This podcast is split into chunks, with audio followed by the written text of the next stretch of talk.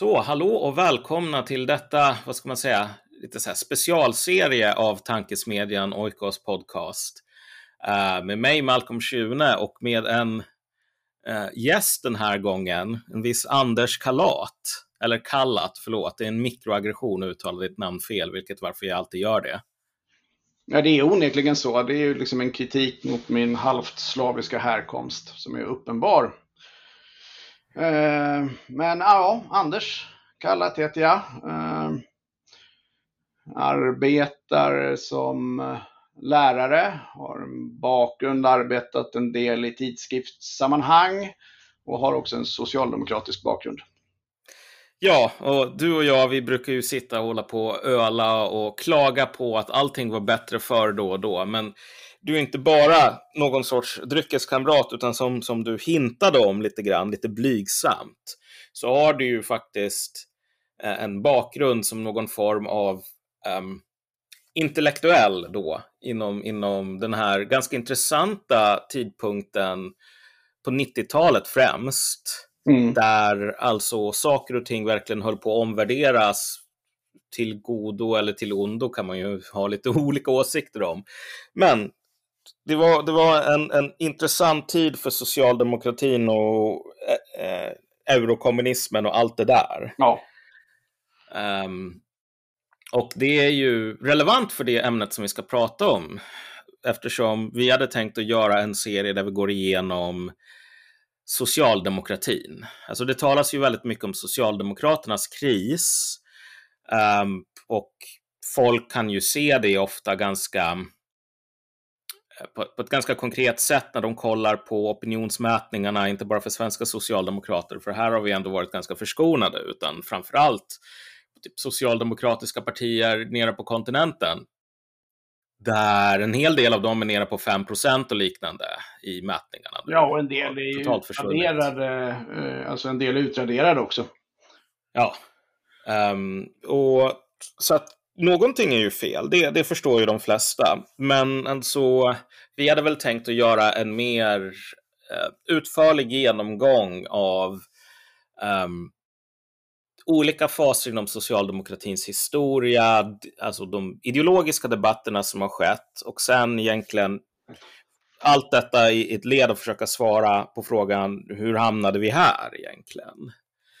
Um, därför att det finns i våran samtid ganska mycket saker som, som, som får en att höja på ögonbrynen. Inte bara den här senaste regeringskrisen nu, utan alltså, alla de här partierna på vänsterkanten, inklusive Socialdemokraterna, håller ju på att skifta sin väljarbas väldigt mycket nu. Så att vi har prat om att um, liksom, högern har blivit en ny arbetarklass, um, rörelsen, sådana um, påståenden som skulle ha varit helt löjeväckande för mm. en 30 år sedan eller någonting. Ja, men nu... åtminstone, vi ska ju återkomma till det, men åtminstone i Sverige hade det varit helt löjeväckande. Ja. En del av de tendenser som man kan se eh, om man kikar både på kontinenten men även om vi skulle vända oss till USA så har vi sett den här vandringen eh, klassmässigt eh, även tidigare. Mm. Ja, kan du, tänker du på något specifikt exempel här?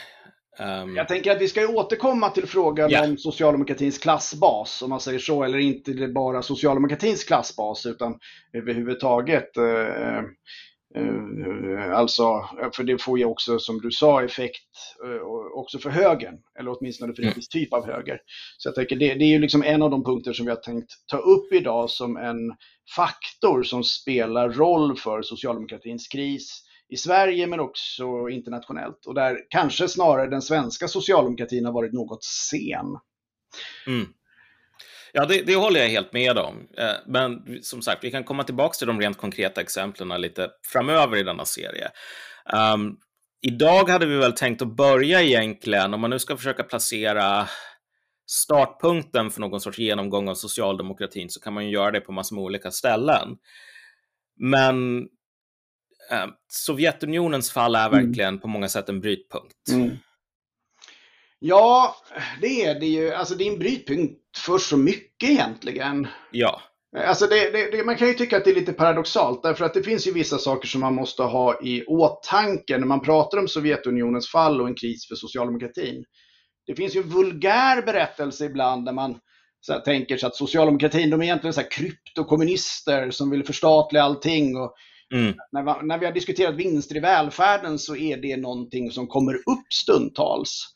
Eh, jag menar, makarna Bergströms koppling till Engelska skolan, de, de har skrivit eh, artiklar som handlar om att det här är egentligen kommunism som socialdemokratin står för.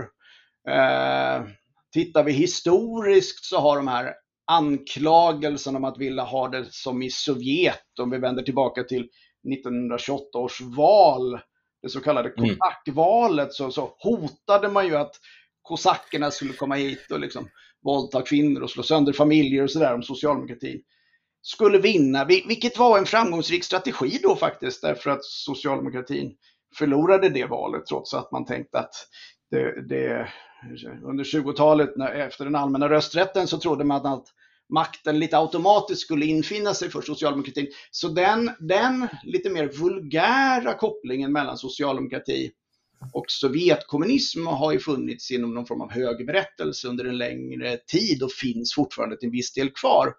Men det är ju inte i det avseendet som vi tänker oss eh, att det finns en koppling mellan Sovjetunionens fall och socialdemokratins kris.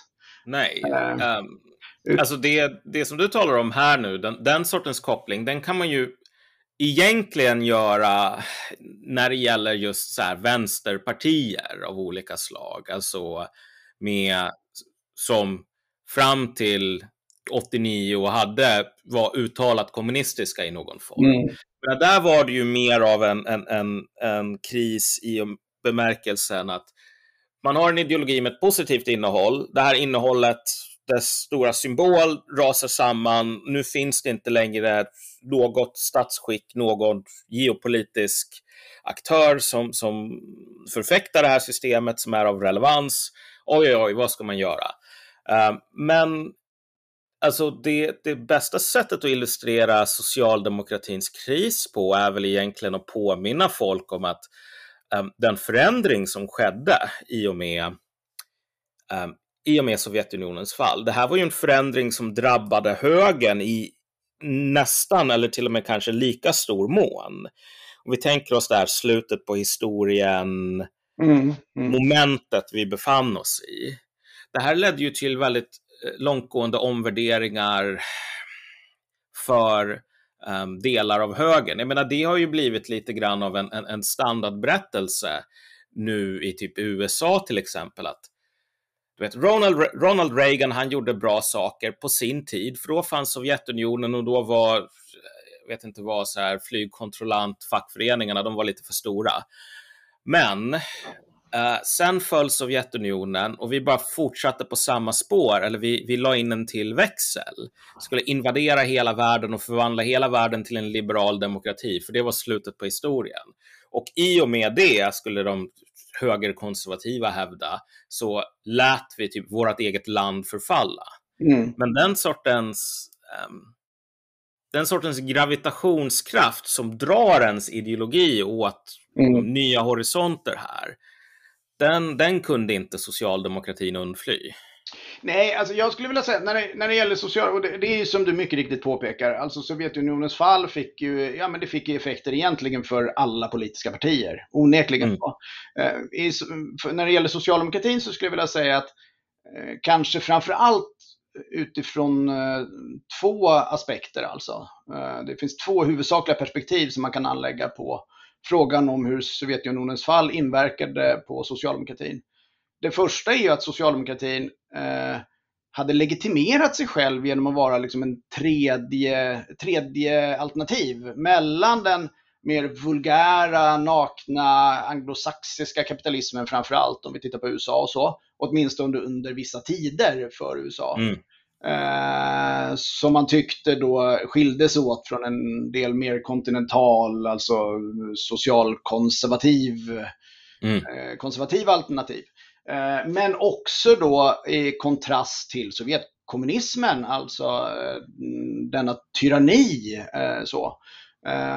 Och då såg man ju den reformistiska socialdemokratin som en balans mellan de här två ytterligheterna egentligen. Den råa kapitalismen med dess ofta förödande effekter för stora grupper i samhället eh, som stundtals då får svårt att hänga med. Eh, men också Sovjetkommunismens eh, förtryck, åsidosättande av demokrati och alltså, ja, nakna och råa förtryck av, av väldigt många grupper. Mm.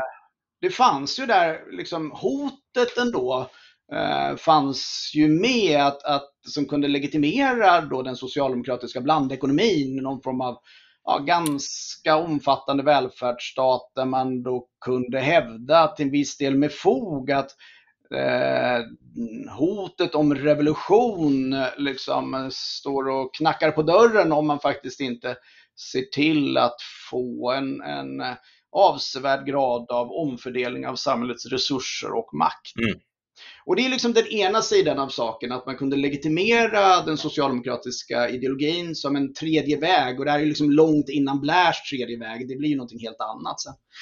Eh, och eh, jag vet inte, är det någonting som du funderar över när det gäller just den aspekten? Nej, alltså jag håller med. Den, den enda frågan som jag har lite till, till mig själv också är väl egentligen Uh, en av de temana som vi kommer att komma in på lite framöver är väl att på ett plan, alltså de processerna som ledde upp till, till um, Sovjetunionens fall, eller som vissa skulle hävda släpptes lös mm. på 90-talet. Många av dem var ju verksamma redan innan. Uh, och jag tar upp det av, av den enkla anledningen att ibland blir jag lite tveksam på hur operativ den här uh, legitimeringsprocessen i realiteten fortfarande var, givet att alltså, saker och ting hade ju redan börjat förändras riktigt rejält, långt innan alltså, murens fall. Ja, uh, själv, självklart. Alltså, det, det, var, det var liksom spiken i kistan, jag håller helt med dig om det. Mm. det var det. det, det och, och Alltså, ganska sent egentligen eh, så fanns det faktiskt diskussioner kring, om vi tittar efter andra världskriget, så sent som på 60-talet fanns det diskussioner och fanns vissa indikationer på att Sovjetsystemet också kunde leverera ekonomiskt. Eh, ja. Och det var även borgerliga ekonomer som, som instämde i det. Eh, men, men, men alltså, ganska snart liksom senare delen av 70-talet, 80-talet, då var det ju uppenbart att det sovjetiska systemet inte kunde konkurrera i den bemärkelsen. Så jag menar, det är ju alldeles rätt, det, det var ju liksom spiken i kistan. Men däremot den, den, andra aspekten tycker jag, alltså på ett sätt är den kanske nästan ännu mer intressant. Och du nämnde ju tidigare, och vi kanske ska uppehålla oss lite vid det sen så, så småningom inom ramen för den här underpunkten. Eh, men du nämnde det här med historiens slut. Och mm. någonstans Sovjetunionens fall innebar ju någon liksom typ av eh, utmattning för utopier i allmänhet nästan. Eh, och det, det, där kan vi, det där är ju, alltså för det, oavsett om det var så att i princip hela västvärlden, med undantag av några få sektliknande kommunistiska organisationer kanske, eh, hade förstått att Sovjetunionen inte var så himla skojigt att ha att göra med. Eller att leva i till och med. Eh, så var det ju så att, att den här utsidan, att det överhuvudtaget fanns någonting annat var något som gjorde det möjligt att tänka att det nuvarande systemet inte var det enda tänkbara. Ja, alternativet var genomruttet och tyranniskt. Men det fanns ett konkret alternativ. Ja, äh, alltså, ja, jag vill, jag vill dock, jag vill dock äh, ähm, bråka lite grann med den här ähm, argumentet som gör om att det var ett slut på utopierna, för var det verkligen det? Mm. Alltså det var ju, det som skedde var ju mer komplext än att folk blev så att säga realistiska. Om vi tar Francis Fukuyama själv som, som skrev den här essän som sedermera blev en bok, alltså Slutet på historien. Han har ju tagit tillbaks ja. den tesen. Men in, långt innan han tog tillbaks den tesen så klagar han ju på att alla missuppfattade vad, vad var han egentligen sa.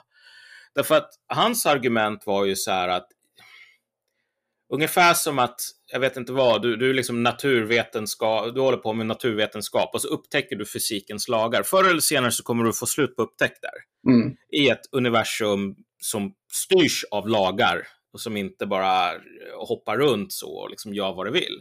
Alltså, det finns ett antal begränsat, begränsat antal lagar. Förr eller senare kommer du veta det som går att veta. Och Fukuyamas argument var ju att vi hade ungefär nått samma uttömning av olika nya teser och alternativ um, gällande statsskick. Um, så att alltså, liberal demokrati var inte perfekt på något sätt, men det var mer eller mindre det, det, det mest optimala och egentligen det enda fungerande systemet givet nödvändigheten med teknologisk tillväxt och så vidare. Då behöver du den här sortens system. Och hans argument om slutet på historien var ju att det här kommer ju vara ett, ett eh, det största hotet mot slutet på historien kommer förr eller senare kanske att bli att folk är så jävla tröttna på um, den världen de lever i mm. så att de bestämmer sig för att bränna ner den. Mm. Så att hans argument var ju aldrig um, nu har vi kommit in i en ny förlovad liksom, epok av framsteg och allting sådant. Men det var ju så som alla tolkade det. Ja, fast alltså grejen är, ja, återigen om vi ska fortsätta att nyansera, vilket ju bara är, är, är roligt menar jag. Jag skulle vilja säga att han är dubbel där. Alltså, eh, Fukuyama. Vi, vi, får för det första inte glömma att han är hegelian. Mm. Även om det är den här besynnerliga Kochev-tolkningen. Och vi, ska inte, vi kanske inte ska bli alldeles för esoteriska. Men han är hegelian. Eh, samtidigt så, och det gör i och för sig Hegel också i Addes fenomenologi, alltså förvånansvärt om man läser den ordentligt. Eh, Fukuyama hänvisar också till konkret empiri. Alltså han, han argumenterar stenhårt och det kan man ju säga att på sätt och vis har det eventuellt visat sig vara falskt då, att det bara är en fråga om tid innan Kina också kommer liksom att förvandlas på samma mm. sätt som Sovjetunionen förvandlades så småningom. Och så där. så det, det är faktiskt också så att det inte bara är liksom, vad ska vi säga, det är också så att han argumenterar mer konkret för att vi befinner oss inom ett sånt här ramverk just nu. Men sen är det givetvis så att det fortfarande kommer att vara ett ramverk. Ja. Eh, och sen är det ju också så att vid sidan om att han menar att det är ramverket i den liberala demokratin med mer eller mindre liksom variationer som han då med bestämdhet hävdar är ett glatt budskap. Han använder det uttrycket vid ett flertal tillfällen. Alltså ett evangelium i princip, men det behöver vi inte gå in på nu. Men det är ganska intressant att han just återkommande, återkommande ja. använder det uttrycket. Eh, men eh, sen så menar han också att den liberala demokratin på ett djupare sätt, och det kommer vi där med liksom erkännandets dialektik och sådär, slav och herre, alltså att den liberala demokratin är det bästa sättet att lösa den konflikten som finns mellan människor på ett Mm. vad ska vi säga, ett oerhört liksom grundläggande historiefilosofiskt plan. Ja, eh, min uppfattning det, jag, väl... jag, menar nog ändå ja. att, att han, eh, du, du slår ifrån dig den delen av Fukuyama, men jag vill nog ändå slå ett slag för att den också finns där alltså. Jo, okej. Okay. Jag, jag, jag, jag, kan hålla med om din nyansering här. Uh, det som jag skulle säga, om jag, om jag får justera liksom min, min, min, mitt argument här, det är väl att innan Fukuyama tog ett avstånd från själva tesen om historiens slut som sådan, mm. så börjar han röra sig sidledes iväg från den här idén om att nej, liberalism är särskilt bra. Så att eh, om man började utifrån att det här är ett evangelium så är det bara att nej, men liksom, ni, ni, förstår inte att liksom, det här är det enda sättet man kan lösa saker på, men det behöver inte alls vara så himla bra. Uh, tro inte att det kommer någon utopi utifrån det här.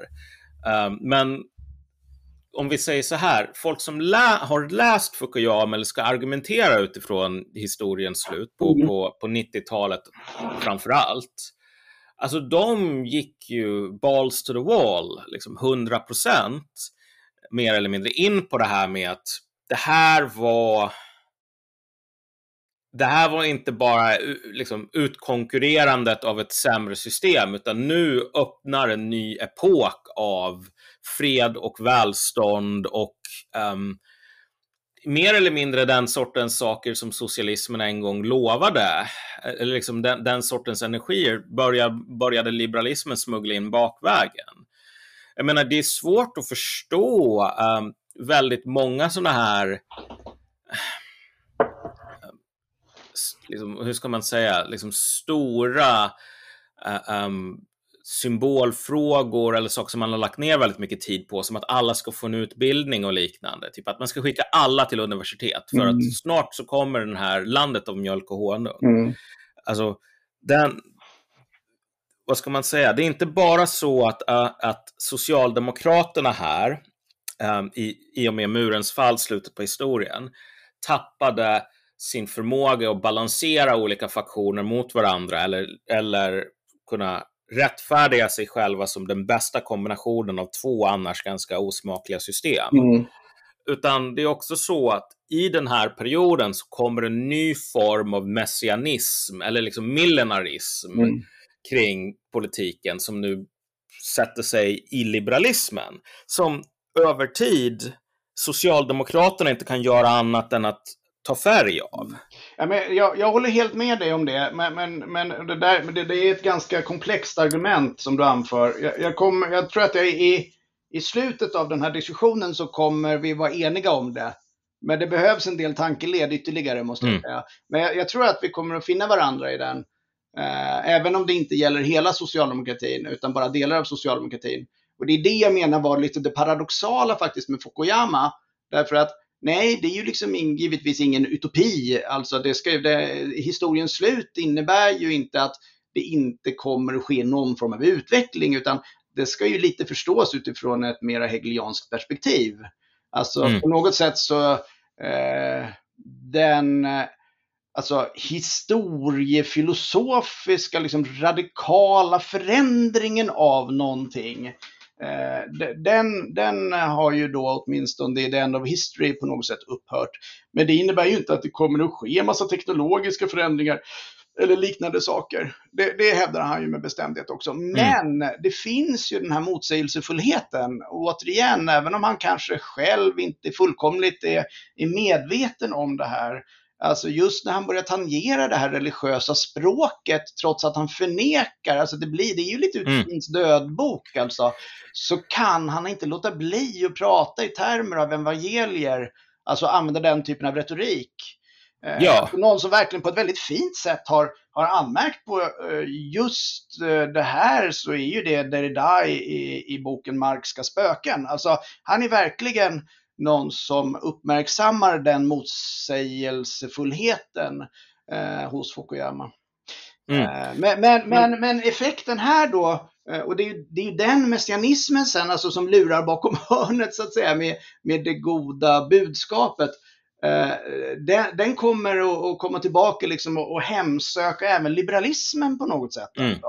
Alltså, så småningom. Och det där det är ju liksom en oerhört spännande iakttagelse att så blir fallet. Det går liksom mm. inte. Det är på sätt att den, den liksom västerländska eh, historien, alltså eh, eh, präglad liksom av, av eh, också ett visst religiöst arv, kan inte hålla messianismen ifrån sig. Den kommer tillbaka. Ja. I en eller annan form. Eh, ja.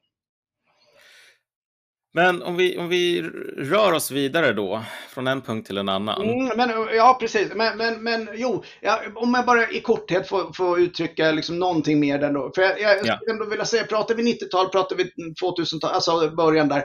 Det är ändå så att liksom, de här stora drömmarna, de tangeras inte. Lite försiktigt pratar Göran Persson om ett grönt folkhem och sådär. ja. det liksom landar inte riktigt. Alltså, det finns inget som, som kan som ersätter liksom den här eh, alltså, tidigare socialdemokratiska berättelsen egentligen. Åtminstone inte just då, möjligtvis så kommer den här mera messianska tillbaka, men det är nog lite senare ändå. Alltså. Eh, så, så, och det, men det, det som är så oro, ja, men vi ska inte fördjupa oss i det, men alltså om vi tittar på utopins födelse, jag vill bara betona det, alltså vad, vad jag vill ha sagt med eh, vad som händer när en utsida försvinner. Jag vill bara ha, liksom, så att det inte verkar som rent tyckande för jag menar, jag har vissa belägg för det också om vi tittar tillbaka historiskt. Vi får inte glömma någonstans där 1500-talet, renässansen, alltså de här utopiernas födelser, utopier som ofta eh, liksom utspelar sig, om vi tittar på Utopia, liksom eh, Morse, eh, men också om vi tittar eh, hos en del andra, eh, också sen så småningom, eh, visioner om alternativa samhällen vidare under upplysningen, Swift exempelvis de utspelar sig ofta på öar alltså. De utspelar ja. sig ofta i andra länder. Och det är klart, vad händer där i slutet av 1400-talet och framöver? Ja, det är ju upptäckten av nya delar av världen som man utifrån ett europeiskt perspektiv inte visste fanns tidigare. Alltså, världen blev helt plötsligt större. Alltså den, den gamla världen där allt var etablerat och fast eh, kom att kontrasteras mot en ny värld med helt nya möjligheter. Och det är därför jag menar att det blir också den här mera grundläggande chockverkan när då världssystemet efter Sovjetunionens kollaps, trots att de allra flesta var eniga om att det här var liksom en, en avskyvärd eh, tyranni. Eh, alltså att eh, det blev bara liksom ett system, alltså kontra mm. när världen öppnar upp sig så stängdes världen här, eh, åtminstone tillfälligt i, i människors föreställningsförmåga. Så det, det är ja. därför jag ändå vill ha den här kopplingen mellan på något sätt eh, fram möjligt tänkbara framtider och också den geografiska platsen. Mm. Ja, men det, är, det är en bra poäng. Um, och Det man kan säga är väl också att, som du sa, uh, påpekade innan, alltså att det fanns mer eller mindre inte några större, stora visioner egentligen på 90-talet um, ehm, som du vet, när de var uppfyllda så skulle solen själv lysa lite mera klar. Alltså man, man, man var borta ifrån det. Um, och det där kan man väl säga har väl börjat komma tillbaks nu i en ganska intressant form, om du tänker dig wokeness och liknande. Um, när du har folk som alltså gör pilgrimsfärder och eh, vuxendop och liknande vid eh, George Floyd, stället där han blev dödad på. Mm. Um, men det, det, det, är en kopplingarna mellan liksom wokeness och typ socialdemokratin på 90-talet, det måste vi komma tillbaka till lång, längre fram, alltså långt fram. Uh, men man kan bara hinta ja, här om att den, det här... Den, finns ju inte där på 90-talet vill jag bara påstå. Nej, exakt. Det, det är ju någonting som, det, det där, den, den, den, en ny form av messianismen som också, som också återfinns hos delar av socialdemokratin, men inte bara där. Eh, det, det, är ju senare. Eh, det är ja, samtida på ett sätt. Alltså jag tror vi pratar den här sidan om 2010-talet i alla fall. Jo, men precis. Exakt. Så att alltså, det är två poänger här. Det är inte så att de här... Om, om du ska försöka spåra, hur ska man säga, släktskapet hos olika idéer och sociala rörelser. Mm. Så socialdemokratin, dess energi är uttömd kan man väl säga på, på många sätt och vis. Alltså den kan fortfarande förvalta, men det finns inte riktigt särskilt mycket nya saker att upptäcka här. Jag skulle vilja säga till och med att, att det, vi står inför på något sätt en, en, eh, till och med en mera omfattande utmattning av utopiska energier. Det, det gäller inte ja, ja. socialdemokratin utan det gäller eh, överlag i princip liksom, vid den här alltså, 90-talet. ja, eh. exakt. Ja, jo, visst, visst, det kan jag hålla med om. Men, men poängen är att socialdemokratin på 90-talet, den har inte särskilt mycket eh, bensin kvar i, i tanken. Um, och de här nya idé de mer messianiska idéerna som vi ser idag har mindre, det är inte en, en, en ättling till socialdemokratin, utan det är snarare idéer som kom någon annanstans ifrån, mm. som sen Socialdemokraterna, precis som alla andra, har hoppat på. Ja. Som, som för att fylla ut det här tomrummet. Mm. Absolut, och det, det, är, alltså, det är frågan då om, om, just för att förstå det här och förstå den förändringen, om, om vi kanske också, om det kanske också är nödvändigt att innan dess faktiskt börja prata om en förändring av klassbasen. Ja. Som inte bara gäller socialdemokratin i Sverige utan det, det är en internationell tendens. Uh, därför att jag tror att vi är eniga om att för att förstå även den här nya messianismen och uh, liksom vurmen då för, för vissa nya politiska rörelser så måste man sätta det i ett klassammanhang också, eller vad säger ja. du? Ja, exakt. Alltså 90-talet är väl den period då som då den här rörelsen bort ifrån eh, arbetar, alltså, arbetarklassen drar sig bort ifrån socialdemokratiska partier verkligen eh, tar fart. Och det här är ju någonting som det är ju inte bara en fråga om ideologi eller att folk blir nödvändigtvis särskilt konservativa, utan eh, västerlandet genomgår ju väldigt stora um, ekonomiska förändringar i, i liksom hur, man, hur man producerar saker, men framförallt var man producerar dem. Så att gamla industristäder håller ju på att nedmonteras då. Um, ja. Och, och vi har ju många exempel på det i Sverige. Det finns ju otroligt många sådana orter som har haft väldigt mycket så här varvsindustri eller metall, liksom stålverk och så. Allt det där försvinner. Um, samtidigt som ekonomin blir mycket mer dominerad av de här um, stadskärnorna som, som faktiskt livnär sig många gånger, inte på att producera muttrar eller någonting, utan det här är så kallade kunskapsarbetare. Mm, mm. Så att um, tillverkningen av um, nya Nike-skor flyttar till Bangladesh. Mm. Högkvarteren finns kvar i de här större städerna där det jobbar advokater och uh, reklamare och liknande. Men själva tillverkningen av, av var, gods och varor, um, den, den flyr lite grann ifrån västvärlden under den här perioden. Uh, jo, det, det, gör den, samtidigt som ibland så är den tendensen lite överdriven skulle jag vilja säga. Uh, men, men, absolut, vi ser ju en del förändringar uh, när det gäller den traditionella tillverkningsindustrin. Eh, däremot lite beroende på hur man mäter alltså klasstillhörighet och sådär så, så är det ju ingenting som det, det, det blir ju ingen... Eh, i, ibland är berättelsen om den förändrade klassammansättningen i västvärlden betydligt, alltså den är, den är i ganska hög grad överdriven. Eh, ja. Lite beroende på hur man mäter, men, men det är fortfarande en, en oerhört liksom, stor andel av befolkningen i de allra flesta eh, liksom, länder i västvärlden som kan klassificeras som arbetarklass. Mm. Eh, och det får vi inte glömma, eh, trots att eh, ja, det är klart att eh, det har skett en förskjutning i vissa tjänsteyrken. Eh, det är inte en traditionell tillverkningsindustri om man säger så, men, men utifrån frågan om hur mycket makt du kan utöva över ditt arbete och liknande saker så, så eh, är det svårt att annat än att kalla en, en mängd av de här yrkena för någonting annat än arbetarklassyrken. Mm. Eh, däremot så ser vi, vi ser ju en förändring och där, där är ju Sverige eh, kanske snarare väldigt sena egentligen i kopplingen till socialdemokrati. Därför att eh, inte minst, eh, jag är alltid dålig på att uttala namn, men eh, den här franska Piketty. Eh, kan du uttala ja. hans namn bättre Malcolm? Nej, um, jag vet inte. Jag, jag, vi, vi kör på Piketty. Ja, ja, någonting sånt. Eh, jag menar, han, det är ju den här tegelstenen som han har skrivit, Kapitalet och ideologin, eh, som ju gavs ut efter kapitalet i, i 21 århundradet.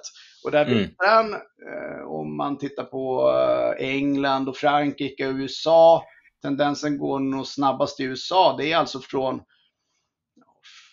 40-50-tal, slutet, mitten, andra hälften av 40 80-talet och framåt så sker det en kontinuerlig egentligen med några små avbrott. Eh, förändring där eh, skillnaden mellan eh, högutbildade och den traditionella arbetarklassen, alltså hos Demokraterna eller hos mm. eh, eh Socialistpartiet i, i, Frankrike eller Labour i, i England, Eh, den differensen eh, minskar hela tiden. Från början, där vi tittar på 50-talet, så är den en, oerhört övervägande del eh, av, av arbetare utan en, en längre utbildning bakom sig till att vi då befinner oss i en situation där hög utbildning i väldigt hög grad kodar för att rösta vänsterut till och med. Mm. Ekonomiskt mm. kapital inte riktigt i samma grad, det släpar lite där. Men, men åtminstone hög utbildning är en, en ganska stark indikator på att du kommer eh, i snitt att, att bli mer vänsterorienterad om man säger så. Eh, mm. Medan den traditionella eh, manuella arbetarklassen, om man uttrycker sig så, mer och mer kommer att söka sig högerut. I Sverige mm. så är det här någonting som vi har sett kanske under de senaste 10-20 åren. Men, men tittar vi internationellt så är den här tendensen egentligen, den går mycket längre tillbaka. Det här är en fantastiskt viktig poäng av den enkla anledningen att så mycket av den, den politiska stridigheterna idag, om du tänker dig hur man ska försöka förklara varför politik i västerlandet ser ut som det gör. Det här med människor med högre utbildning utgör nästan alltid ground zero för, för diskussionen. Mm. Och här är både vänstern och delar av högern um, intresserade, om vi säger så, att, att ha en, en tämligen idealistisk syn på det här. Det vill säga, med idealism menar jag då att idéer mer eller mindre utgör nästan en sorts autonom kraft. Mm. Så att um, folk kan bestämma sig för att få idéer och, och, och egentligen av ingen anledning alls annat än att de gillar dem. Och sen när de här idéerna dominerar, då kommer ja, ja, då dominerar de. Då, får vi, då avskaffar vi republi republiker och ersätter dem med monarkier eller vice versa. Sen så kommer idéerna tillbaks en gång och så går man tillbaks igen. Um, och det är ju så att, så att för delar av högern så blir det så här att storyn blir att det finns något sånt här marxistiskt arv i de högre institutionerna som infekterar ungdomar. Um, och det här, om det är några som har agentivitet i den här situationen, då är det väl ett antal människor som har förgiftat brunnarna mer eller mindre. Mm. I, I, någon sorts konspiration om att lära ungdomen liksom, uh, kulturmarxism. Mm. Men annars så är det um, annars så finns det liksom inte så mycket mer att säga annat än att liksom utbildade människor, de, de, de är motståndare till högern för att de är motståndare till högern. För vänstern så, så vill man ju hela tiden förneka att det ska finnas um, någon sorts materialitet underliggande den här liksom, enorma produktionen av, av högutbildade människor som vi har. Men det här är inte längre som på typ 1800-talet eller någonting där 0,5 procent av befolkningen gick på, på högskolan. Um, så att när det var 0,5 procent av befolkningen, då kanske man kunde säga att men det är så få människor så vi behöver inte hålla på att analysera egentligen vad för sorts klassposition de har. Medan idag så eh, vill man, vill, håller vänstern på och konstant förnekar att studenter och, och akademiker och folk med en högskoleutbildning som kanske inte kan hitta ett jobb som passar till denna utbildning, att de skulle kunna agera um, som en egen politisk kraft. Utan det, det, här är bara det högre utbildade skiktet av arbetarklassen, vill man få det till. Ja, ja, del, delvis det. det. Det är också någonting som vi ganska snart kommer kanske att eh, alltså försöka förstå uttryckligen. Alltså bilda de här en, en egen klass och vad, vad, är det för sorts klass i sånt fall? Eh, men, men mm. Eh, en annan intressant aspekt, så, så jag vill inte släppa den bollen riktigt, jag vill bara lyfta fram en annan intressant aspekt och det är ju frågan om hur man då liksom tolkar den här, det här skiftet som vi kan se mm. och som då återigen har inträffat ganska sent i Sverige. Ändå. Eh, och det kan man också diskutera varför. Eh, men men eh, det, det, har inte varit helt sällsynt som man inom vänstern eller också inom socialdemokratin. Jag menar, Vänsterpartiet har ju alltid varit de de välutbildades parti i princip. Liksom. Mm. Men, eh, inom, eh, alltså att man har sett det här som någon form av eh, uttryck för eh, liksom, förnuftets, liksom, jag menar de välutbildade bär förnuftet med sig och därför mm. röstar de på oss. Alltså, vilket står i bjärt kontrast om man tittar tillbaka på den historiska arbetarrörelsen. Mm. Eh, där man snarare då menar att man företräder en grupp som hade varit liksom utestängda från liksom den här ideologiproduktionen som sker för de utbildade klasserna. Eh, även om man lät sig representeras av utbildade ofta. Eh, ja. Men, men alltså, det är ett ganska ohöljt förakt ibland, alltså det här med man felstavar Sverigevänner och så liksom ler man åt dem därför att de, de här grupperna som, som då röstar högerpopulistiskt de kan inte stava och de eh, kommer från eh, löjliga smorter och sådär. Liksom de företräder inte framtiden. Men det gör man därför att vi är på väg in i det här liksom nya kunskapssamhället och sådär som ska lämna mm. den traditionella industrikapitalismen bakom sig. Eh, så det blir på något sätt eh, eh, de här grupperna då som, som visar ett missnöje mot att bli negligerade när det gäller den politiska representationen. De, de har ju förlöjligats i väldigt hög grad på, på ett mm. skamligt sätt. det ska vi inte sticka under stol. Ja, men alltså, men om man frågar sig varför de förlöjligas. Alltså, i den här världsbilden som, som, som finns um, hos många som kallar sig själva socialister idag, så är det ju så att de Ja, okej, okay, det råkar vara så att i princip alla eh, av dem är högskoleutbildade.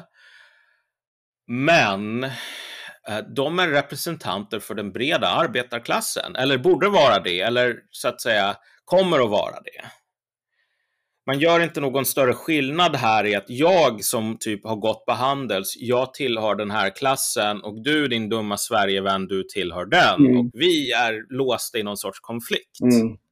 Alltså det är inte...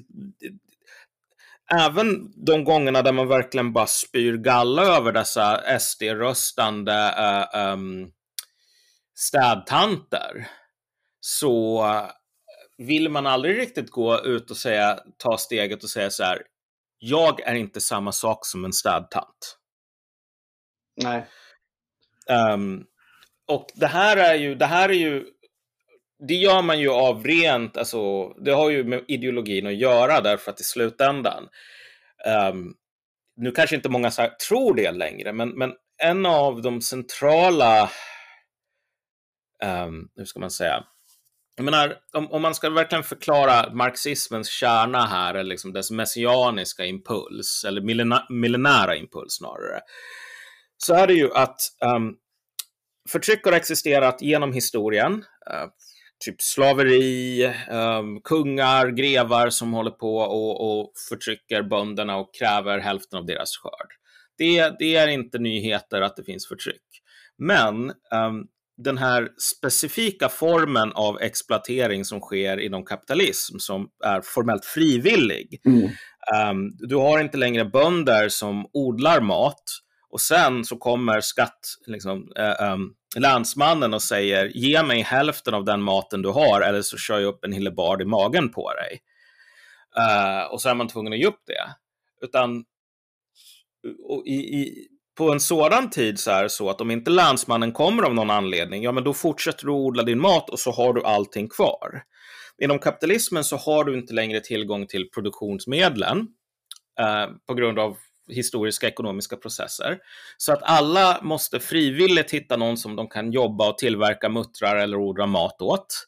Var på den här kapitalisten behåller då en del av mervärdet. Och Marx menar ju att det här är en det här är en sådan relation så att en, hur ska man säga, proletären som inte äger någonting har förmågan att föra oss till ett, ett nytt system utan exploatering.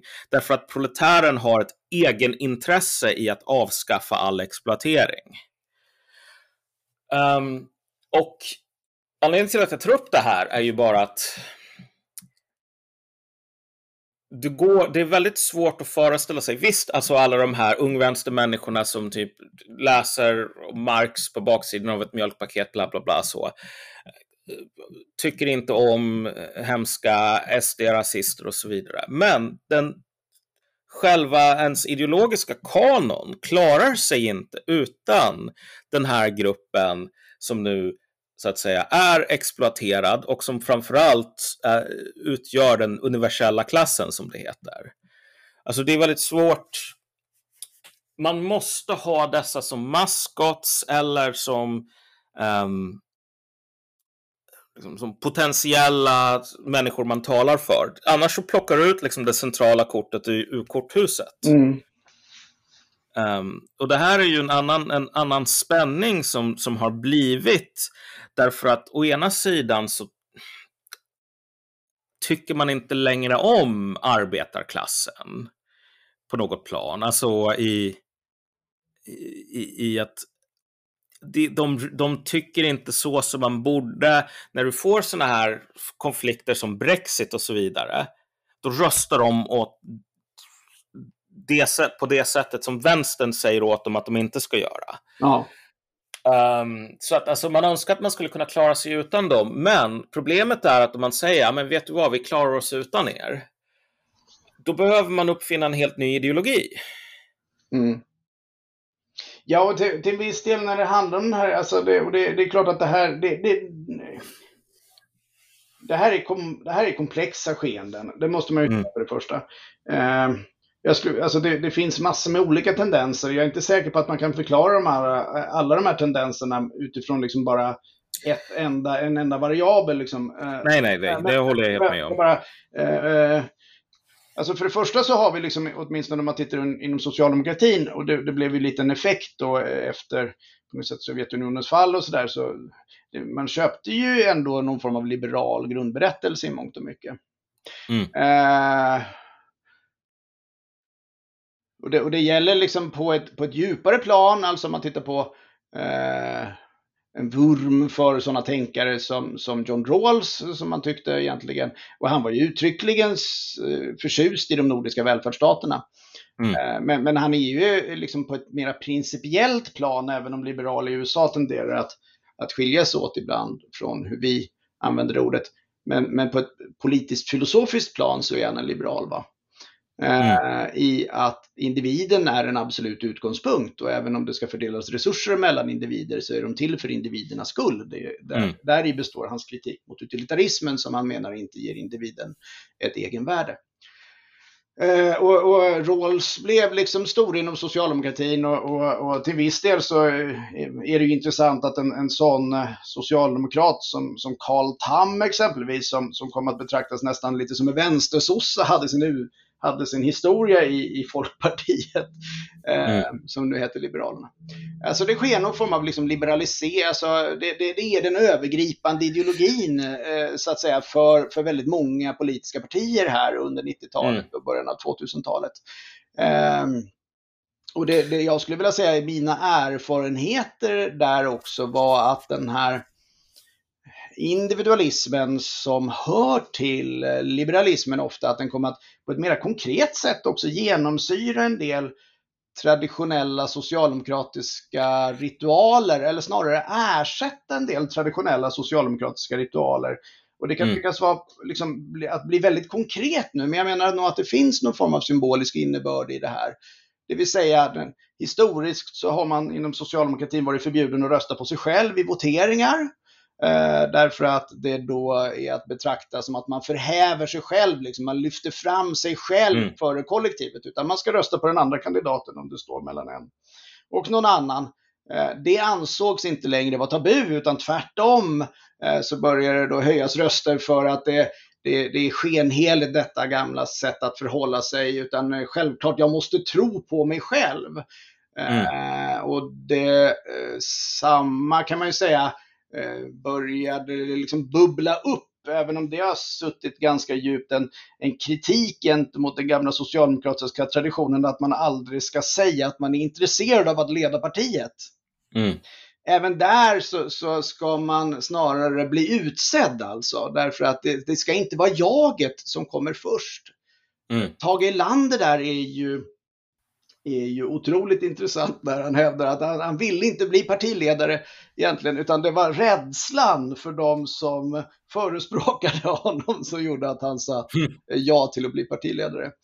Eh, och, och, slutligen alltså att det ganska ohöljt började talas om eh, när man då eh, var aktiv i partiet, liksom, just det här att jo men det är ju också för min egen skull och det såg nästan lite progressivt att jag ska inte hymla med att det inte bara är för sakens skull utan det är också för min skull därför att jag ges en möjlighet, jag pluggar statsvetenskap och liknande, jag ges en möjlighet till karriär.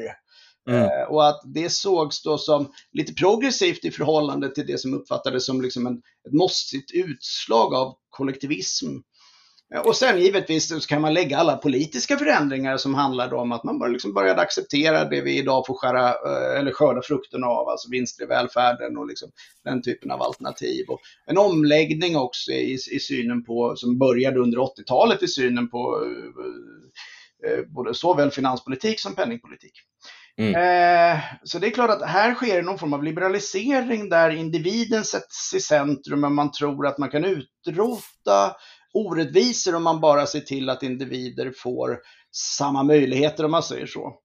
Att ja. kunna framträda. Och, där, och där, där har vi det intressanta då, för det är där vi har det paradoxala att eh, oftast så är det ju så att de som starkast förespråkar ett individuellt perspektiv är det som, de som också starkast liksom förnekar eh, varje typ av liksom kollektiv tillhörighet. För det vore ju att mm. förminska det individualistiska.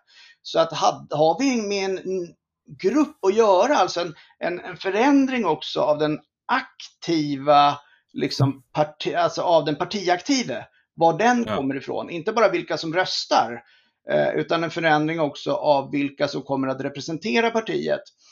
Eh, så gagnas ju de av att i detta läge också förespråka en mera hårdför individualism. För då uppkommer inte den diskussionen. Har det i själva verket också bland den aktiva kadern skett någon form av, av utbyte av grupper? Ja.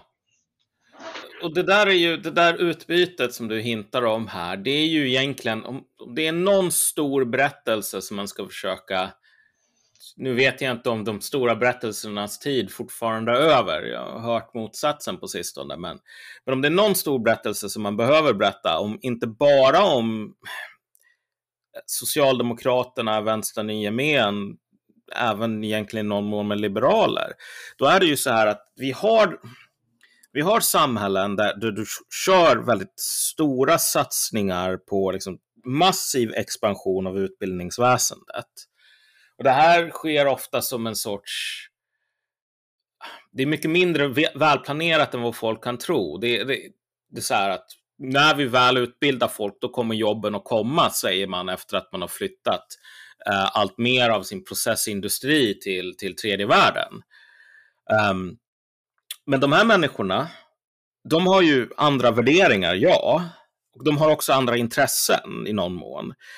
Um, vad bryr sig de egentligen om vad som händer i bruksorterna där, eftersom hela poängen för att du ska kunna tillhöra den här klassen ska du ha flyttat ifrån den här bruksorten ner till Stockholm eller Göteborg eller vad det nu kan vara.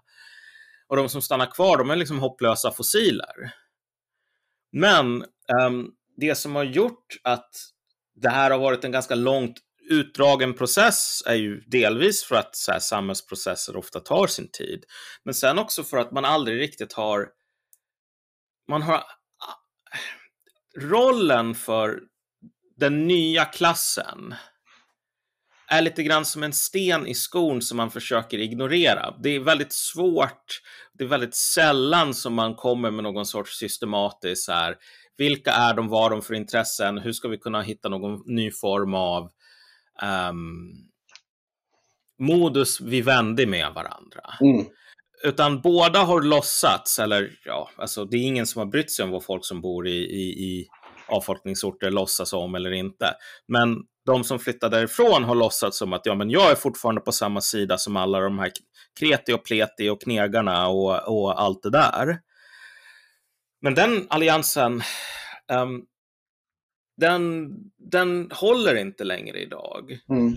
Och liksom, du blev ju aktiv under den här tiden då um, jag menar, jag, jag, har diskuterat det här lite grann med, med, jag hade en diskussion med Mattias Karlsson om det här som menade att de här gamla arbetarklassvärderingarna, du vet att man skickar iväg, eh, man får barnbidrag och så skickar man tillbaks det, för jag kan minsann ta hand om mina barn.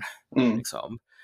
att det där, det var, men du vet, bra ideal och bra ideologi och allting sådant. Men liksom, en god svensk kultur. Och jag menar, ja, det, möjligtvis, men i slutändan så har man sådana attityder av en väldigt enkel anledning. Därför att finns det inget välfärdssystem till exempel, då måste alla, alltså det finns ingen tolerans för parasiter i ett sådant samhälle så. Och det finns inte, eh, på en tid där om du, om du blir sjuk, när du är ute och jobbar på bruket, ja. och du inte, det, finns inte liksom någon, någon, läkare du kan gå till som, som staten betalar.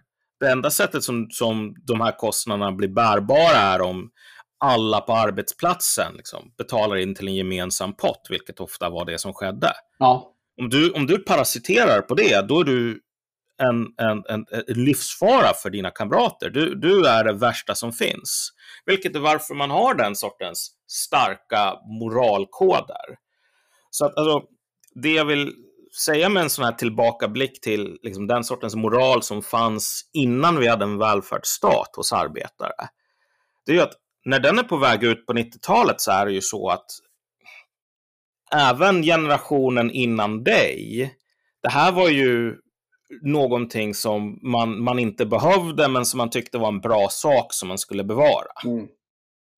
Ja, men jag, jag, tror att, alltså jag var inne, ja ja, alltså jag, jag även här, det finns en oerhörd komplexitet. Måste man, alltså, ja. vi, vi, har, vi diskuterar å ena sidan så diskuterar vi liksom, no, no, det händer någonting klassmässigt. Det sker en förändring mm. av klasserna.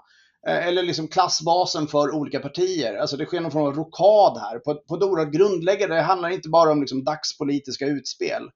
Eh, mm. Till det hör också en förändring på en, på, på en ideologisk plan. Mm. Just den här liberaliseringen, och jag var inne på Rawls tidigare, alltså att, att börja diskutera i termer av rättigheter. Och det här rättighetstugget har ju nästan blivit en vänsterretorik, trots att det historiskt ja. har varit motsatsen. Alltså det, det har varit eh, liksom eh, John Locke, alltså den, den typen av, av eh, liberaler som, som kanske inte kan betraktas som speciellt vänsterorienterade. Eh, det är det lägret som har pratat om rättigheter och, och kikar vi på, på Marx kritik av rättighetsbegreppet i om judefrågan, alltså det är en, det är en förintande kritik liksom, som bland annat mm. består i att du bortser från det sociala sammanhang där eh, liksom varje implementering av rättigheter överhuvudtaget eh, eh, ursäkta mig, jag vet inte om jag fortfarande min, min dator, det dök upp någon, någon skärmbild. Jag vet inte om jag försvann. Okay. Nej, det tror jag inte. Eh, vi får, jag vet inte om det går att klippa eller sånt där, eller också får man behålla det. Men det var därför jag försvann ett ögonblick i alla fall. Eh, jo, eh, kritiken består då i, i att eh, det, det, det är sociala sammanhang där man kan implementera rättigheter, att den faktiskt blir liksom materiell, till skillnad från de all, den allmänna diskussionen kring mänskliga rättigheter så menar ju Marx att det, det, det, går att tala om medborgerliga rättigheter menar han då, inom mm. ramen mm. faktiskt för en nation. Eh, så är det, är det relevant. Men, men den typen av, av allmän mänskliga rättigheter som, som föddes med den franska revolutionen, det, den, den är av ideologisk art. Den grundar sig ofta i i egendomsrätten liksom, som slår ut alla andra rättigheter, vilket ofta blir fallet skulle jag vilja säga eh, ytterst eh, när, eh, som ett resultat av, av, av liksom, rättighetsretoriken. Eh, mm. Men den andra kritiken är att han också eh, menar att det, man glömmer bort liksom den, den, politiska konflikten som står bakom sociala erövringar så fort du börjar prata i termer av rättigheter som liksom mm. dimper ner på jorden på något mystiskt vis. Alltså. Eh, och det är också den, den, traditionella både kommunitära och feministiska och, och marxistiska kritiken just mot Rawls. Alltså mm. när man ska då tänka om rättvisa bakom en slöja av okunnighet. Jag får inte låtsas vem jag är för att då ska jag objektivt komma fram till en rättvis fördelning. Ja, men det är inte så att jag aldrig är någon. Jag är alltid någon. Jag står alltid i relation till mm. andra människor. Jag befinner mig alltid i ett visst samhälle och intar en position inom ramen för detta samhälle. Så det är ju liksom en chimär, denna liksom abstrakta Liksom, detta abstrakta jag som saknar varje bestämning av kvaliteter. Alltså, mm. kan, alltså, det, det, är intressant nog, det är liksom också en, en, ibland en västerländsk, eh, alltså vi kan se det ibland i, i, också i, i eh, förhållningssättet hos den liksom upplysta västerlänningen gentemot både en inhemsk arbetarklass men också uh, i förhållande till personer av annan etnisk börd där det egna jaget töms då på innehåll och har ingen historia, har ingen kultur och bla bla bla. Uh, och kan därmed liksom omfamna alla andra mera liksom partikulärt begränsade identiteter som hör liksom de här lite mera efterblivna personerna till. Även om man ibland ska hylla dem. Så att, mm. Eh, nej, ja, nej, men, och, och det här är ju liksom vad som inträffar, alltså, som du mycket riktigt påpekar, från en tid där det var så att människor ned, nerifrån samlade ihop pengar, inte minst eh, utifrån en ren maktaspekt alltså. Att kunna i, i arbetslöshet eller om du vågade sätta dig emot arbetskraftsköparen, att ha tillgång då till en, en, någon form av socialförsäkring och liknande, det var ju någonting som balanserade eh, den eh, asymmetriska makt som fanns till förmån för arbetskraftsköparen, alltså när du skulle ställa mm. ditt arbete. Att, att man gå, gick därifrån utifrån en maktaspekt och utifrån också att det var någonting som, som skapade ett gemensamt kitt mellan människor till eh, en, en, en, ett, ett rätt, mer av ett rättighetsperspektiv alltså. Mm. Eh, på den här typen av, av eh, på, alltså välfärdsstaten. Eh, och då glömmer, då, då glömmer man bort förutsättningarna för att eh, eh politik, att en sån politik eh, ska vara möjlig i ett längre perspektiv. Alltså man, man glömmer bort vad vad, vad själva kravet är för att eh, överhuvudtaget vinna allianser i, i längden eh, som kan upprätthålla den typen av eh, eh gemenskaper där man tänker att självklart är det här min nästa, alltså det är min, en person som kan råka illa ut som också förtjänar välfärd. Eh, men, men även politiska allianser, om vi tittar historiskt, så har ju socialdemokratin varit oerhört framgångsrik att bygga de allianser som ska säkra olika välfärdsinitiativ. Medan på sistone, om vi tittar nu, så har man ju tvärtom allierat sig med partier som kanske är allra minst förtjusta i en utbyggd välfärdsstat och man har motiverat det därför att man annars kommer att drabbas av, av eh, eh, dödsnazister. Ja, alltså jag tror vi får sätta ett bokmärke i diskussionen här. Uh, nu har vi talat en timme. Jag tänker att nästa avsnitt kan vi gå in på den här punkten. Vi har gått lite grann som katten kring het gröt kring den den här gången. Men det här med acceptansen av meritokrati som eh, egentligen liksom den, den, den, mest vägledande, det mest centrala um, ska man säga, rättfärdigandet för, för saker som man gör. När någon som Mona Salin säger att det spelar ingen roll var du kommer ifrån. Det som spelar någon roll det är vart du är på väg, liksom vart du vill flytta, mm. inte var du är född. Mm. Den sortens attityder har, kommer i princip som någonting som, som, som ligger i tidsandan snarare än någonting som um, man har ärvt från Marx. Och det finns ganska många um, implikationer för, för liksom en, en, meritokratisk syn på samhället som, som har mindre att göra med att liksom, du vet, kompetenta människor ska sitta på, på rätt jobb. Och mycket mer att göra med värdet av gemenskaper. Ska en gemenskap, ska ett kollektiv överhuvudtaget få kunna um, utöva någon form av makt, påtryckning på en individ? Ja, delvis det. Sen, sen, jag tror vi måste, eh, och, och, eh, vi började komma in på det eh, också nu. Jag tror också att man måste förstå, man måste återvända till den här klassaspekten för att till fullo förstå meritokratins mm. lockelse alltså. Definitivt. Mm. Uh, och även meritokratin måste ju också, så det är där jag menar, det, det är ett alldeles utmärkt förslag att återkomma till meritokratin. Därför att meritokratin måste också förstås i relation till den här utopiska utmattningen så att säga. Uh, ja. Samtidigt som vi då uh, bör beröra just den här messianismen som också dyker upp och som kanske till viss del befinner sig i konflikt med meritokratin, skulle jag vilja säga. Alltså, det finns mm. dubbelhet om vi tittar idag och, och in, för socialdemokratin men inte enbart för socialdemokratin. Där liksom det meritokratiska också beledsagas av eh, ibland den här, det som brukar kallas identitetspolitik och liknande som, som också är ett sätt att, att eh, eh upphäva eh, meritokratin. Det finns en motsägelsefullhet här. Eh, mm. Så. Ja, nej men precis. Men då, då får jag tacka för idag, kamrat Kalat. Tack eller själv, kallat. kamrat Malcolm. Så, så återkommer vi och så diskuterar vi um, meritokrati och även um, varför, varför typ Mona Sahlin var en, en, en dålig partiledare. För det har ju aldrig diskuterats förut, eller hur? Ja, det, nej, det... Totalt ny, obruten ja, mark. Det, ja, det, det, det, vi slår världen med häpnad eh, om ja. vi går in eh, på det spåret. Ja, ja, men tack så mycket. På tack återseende. Själv. Det gör vi.